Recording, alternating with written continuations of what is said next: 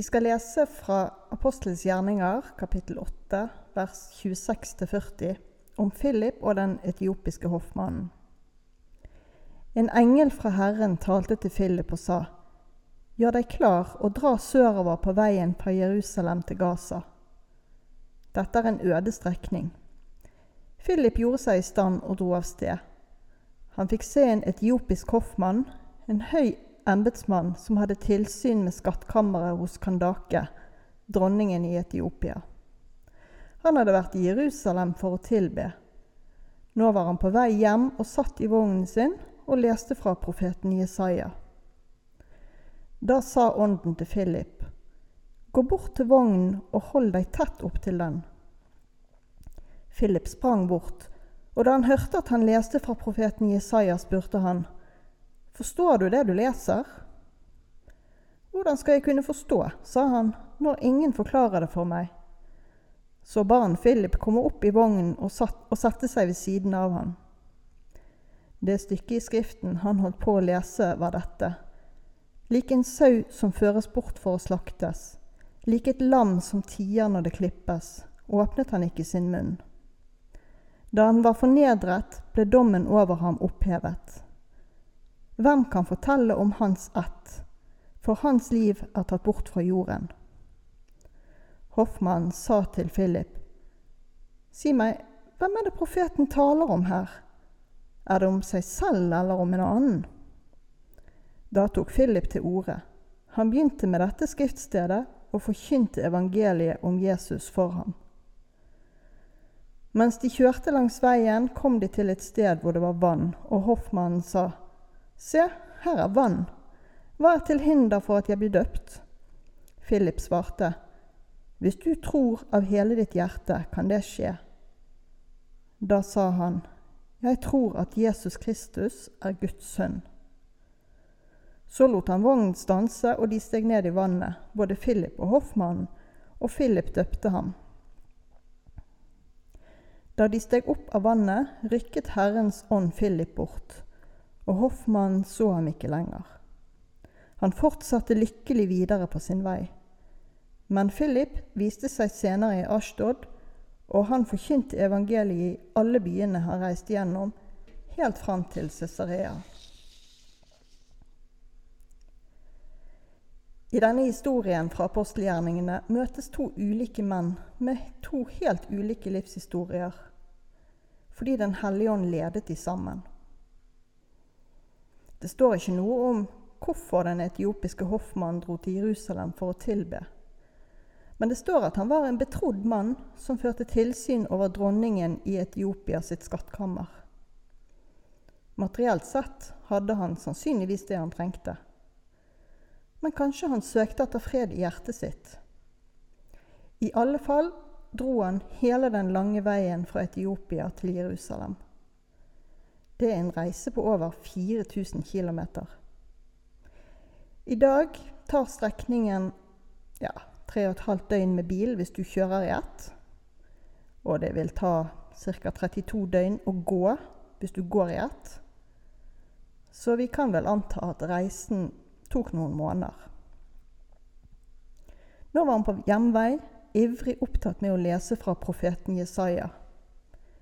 Kanskje han hadde fått tak i den boken når han var i Jerusalem?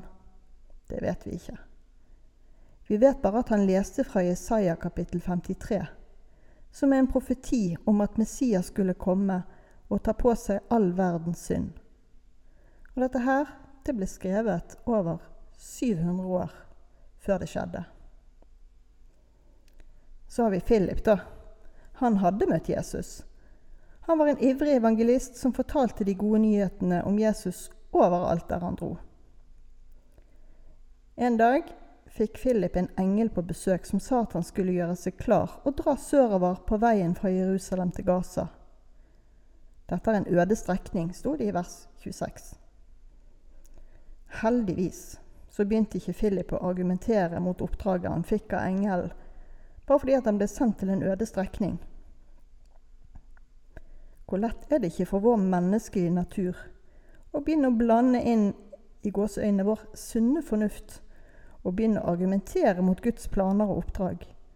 sånn som f.eks. Moses gjorde, som argumenterte mot Gud når han ble kalt til å føre israelsfolket ut av Egypt.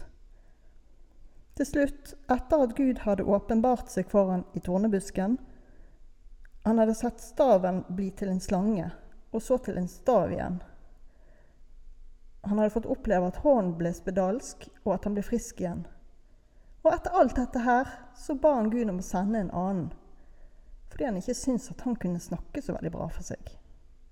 Dette er det kan du lese om i 2. Mosebok kapittel 4. Gideon han skjønte heller ikke riktig at han kunne bli kalt til å utfri Israel. For han mente han var jo fra den svakeste slekten i Manasseh og den yngste i sin fars hus.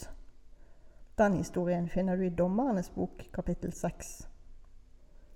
Men Philip, han begir seg i vei og gjør akkurat det som han har blitt bedt om. Vel framme ser han en vogn, og så sier Den hellige ånd noe interessant. Gå bort til vognen og hold deg tett opp til den. Ingen videre instruksjoner, ikke noe mer om hvorfor eller hva han skulle si og gjøre. Og Philip han skyndte seg bort, og når han hørte hva hoffmannen leste, så spurte han jo dette her, skjønner du det du leser? Og Så var samtalen i gang, og så blir Philip invitert opp i vognen. Og det ender med at hoffmannen tar imot evangeliet om Jesus og blir døpt. Du som hører på, du er kanskje sånn som han hoffmannen, på leiting etter indre fred og tilfredsstillelse. Det står om hoffmannen at han dro lykkelig videre etter å ha kommet til tro på Jesus. Og legg merke til hva som var koblingspunktet mellom Jesus og hoffmannen. Det var tro. Nå skal jeg fortelle deg en liten historie fra jeg sjøl var barn. Kan ha vært sånn ca. syv år. Jeg hadde hørt om Jesus, jeg hadde tatt for gitt at alt det som jeg hadde hørt om han, var sant. Men så begynte jeg å lure litt allikevel. Jeg syntes jo det hørtes sannsynlig ut at Gud hadde levd.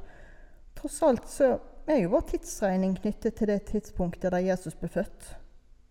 Og at hele verdenssamfunnet liksom skulle finne på noe sånt uten at han engang hadde levd, det syns jeg hørtes litt usannsynlig ut. Og kanskje døde han òg, og sto opp igjen òg. Men skjønte ikke hva har det med meg å gjøre. Hvordan kan det frelse meg at noen andre dør? Jeg funderte mye på dette her, helt til jeg så det premisset som Gud har gitt for frelse. For så høyt har Gud elsket verden, at han ga sin eneste sønn for at verden liv. Dette står i Johannesevangeliet kapittel 3 vers 16. Det er den som tror evangeliet, det er den som tror evangeliet, sånn som hoffmannen, om at Jesus tok straffen for all verdens synd, den straffen som vi egentlig skulle hatt. Det er den som tror det, som får erfare og få fred med Gud i sitt hjerte. Den kan fortsette sin livsreise lykkelig i det innerste av hjertet, akkurat sånn som hoffmannen. Dessverre så har vår sunne fornuft ingenting å tilføre når det kommer til dette her, at det er gjennom tro vi mennesker får del i Guds løfter. Men alt er likevel ikke bare fryd og gammen i dette menneskelivet. Tvert imot går både mange kristne og mange ikke-kristne gjennom store vanskeligheter. Men det å få oppleve den dype freden i hjertet som troen på Jesus gir, det kan ikke forklares. Det må erfares. Og det kan absolutt anbefales. Lever du uten den freden, så vil jeg anbefale å invitere Jesus inn i hjertet ditt. La ikke de mørkeste, skitneste, mest rotete krokene som du helst ikke vil vite av sjøl engang, og som du i hvert fall ikke vil at noen andre mennesker skal se inn i, La ikke de tingene hindre deg i å tro på Jesus. Gud ser det likevel. Så det lureste du kan gjøre, det er å invitere Han til å hjelpe deg. Historien om Philip den er lærerik på mange plan. Og det er ikke alt vi rekker å snakke om. Men Har du tenkt på det at når Gud skal gjøre noe, så gjør han det ofte annerledes enn vi mennesker ville gjort det? Vi er også lett for å se på det ytre.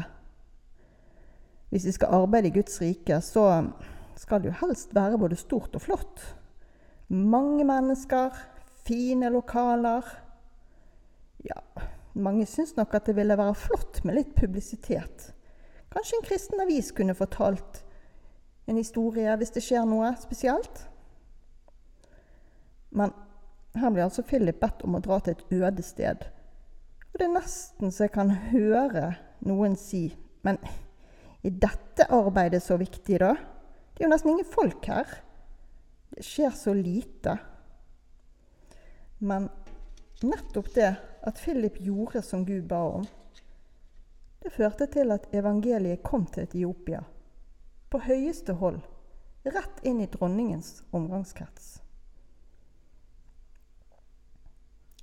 Noen ganger kan det virke som vi kristne tenker at vi kanskje faktisk hakket bedre enn Den hellige ånd til å både koordinere og planlegge arbeidet i Guds rike. Men det er når vi kristne søker Gud for å få vandre på Hans veier og følge Hans ledelse. Det er når vi vandrer i lydighet til det Han har sagt, som han sier til oss, det er da vi får de resultatene som Gud vil ha. Gud og hans veier og hans planer, de er velsignet allerede. Gå bort til vognen og hold deg tett opptil den, sa Den hellige ånd til Philip. Mange synes ikke de har noe å bidra med i Guds rike som kristne. Noen har en forestilling om at alt må jo være helt på plass i eget liv hvis de skal kunne tjene Gud. Og mange tenker at Gud nok helst vil bruke noen andre. Og de negative tankene, de står rett og slett i veien. Men disse tankene, de stemmer ikke med Guds tanker. Han vet at ingen av oss har noe i oss sjøl som vi kan bygge Guds rike med. Det er utelukkende det som han utruster oss med, han kan bruke. Han trenger bare vår lydighet til å gå når, vi, når han ber oss om å gå. Uansett hvem du er, uansett hvor gammel du er, uansett om du er høyt utdannet eller ikke utdannet i det hele tatt, om du syns du har lykkes godt i livet, eller om livet ditt føles helt mislykket, og du er på en mørk, mørk plass i livet ditt, sviktet, kanskje misbrukt, om du har tatt feil valg og ikke ser noen løsning, da skal du vite det, at i Guds øyne så er du ulifull og vakker. Du er bare helt intenst elsket av Gud. Det gjelder faktisk både om du har fred med Gud, eller du ikke vet hva den freden vil si. I kjærlighet ønsker Han å la deg få del i forlatelse fra synd og renselse fra all urenhet, fordi han vil at du skal komme nær og leve med han. Ca. 700 år før Kristus så uttrykte Gud sine kjærlige planer om den nye pakten han skulle opprette gjennom Jesus. I profeten Hosea kapittel 2 og vers 19 og 20 så står det Jeg vil binde meg til deg for alltid. Jeg vil binde meg til deg i rettferd og rett, i kjærlighet og barmhjertighet. Jeg vil binde meg til deg i troskap, og du skal kjenne Herren. Tenk på det. Gud i himmelen tilbyr deg sin evige troskap, sin evige kjærlighet og barmhjertighet gjennom troen på Jesus. Så noen ord til deg som kanskje lever med Gud i ditt hjerte, og som kanskje tenker at Gud har ikke kalt meg til noe spesielt. Hvis vi bruker den etiopiske hoffmannen sin vogn som et bilde, så finnes det mange vogner med mennesker i som er på sin livsreise. Og hvilken vogn ber Den hellige ånd deg om å gå bort til og holde deg nær opp til? I den teksten vi leste, står det ingenting om at verken engel eller Den hellige ånd snakket med Philip på forhånd om at han skulle få vitne om Jesus for en viktig person. Engelen og Den hellige ånd ba ham bare å gjøre noe helt enkelt, som å gjøre seg i stand og gå til et bestemt sted. Og så fikk han beskjed om å gå bort til vognen og holde seg nær opptil den. Men når han først hadde gjort det, så var ikke det vanskelig å komme i samtale med den mannen. På samme måte ber Den hellige ånd oss ofte om å gjøre noen praktiske små ting. Noen ganger, kanskje ofte, misser vi på mulighetene fordi vi ikke forstår hvor viktig det er med lydighet i de små tingene. I vår menneskelige natur så ser vi ofte etter store ting som vi skal gjøre for Gud, og med litt trykk på 'vi'. Og så glemmer vi å være trofast i de små tingene, sånn som Jesus ba oss om. Men i de små tingene virker Gud. Da blir det tydelig at det er Gud som får ting til å skje, og at æren er hans. Tenk på når Jesus mettet 5000 menn foruten kvinner og barn. Den historien står beskrevet i alle evangeliene. I Johannesevangeliet står det at et barn gav fem byggbrød og to fisker. Jeg har noen ganger lurt på om absolutt alle de andre hadde glemt matpakke den dagen. Eller om kanskje noen hadde bitte lite grann mat med seg, men at de tenkte at det var noe så lite at de ikke tenkte engang på at det kunne brukes. Når Gud velsigner det lille vi har, så blir det nok. Til og med rikelig, sånn som han hadde tenkt det.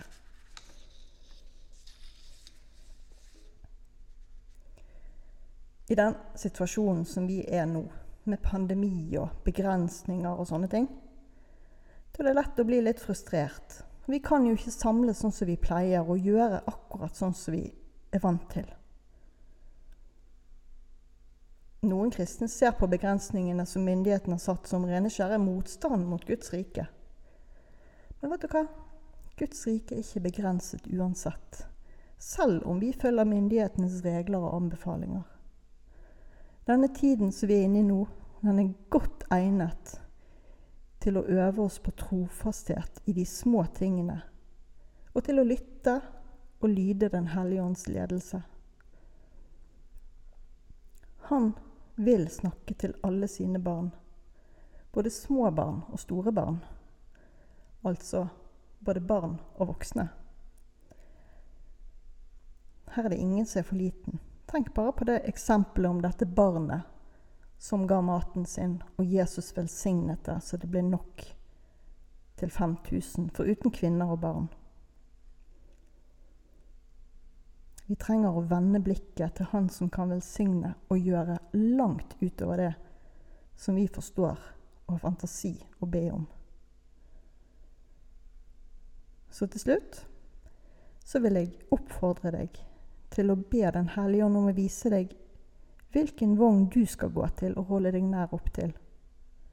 Det går an å følge både smittevernregler og holde seg nær til andre. Du kan være nær selv om du er to meter unna. Du kan være nær selv om du ringer på telefonen, sender melding, skyper. Du kan gå nær til naboen selv om du snakker over hagegjerdet. Våg å gå nær. Vi skal be helt til slutt. Takk, Jesus, for din grenseløse kjærlighet og nåde til alle mennesker. Takk at du er den samme i dag som når du vandret på jorden. Takk, Jesus, at du fortsatt står ved hjertedøren til menneskene og banker på hos alle og ber om å få komme inn med din fred og forsoning. Herre, hjelp oss å være trofaste i de små tingene og sette vår lit helt til deg. Amen.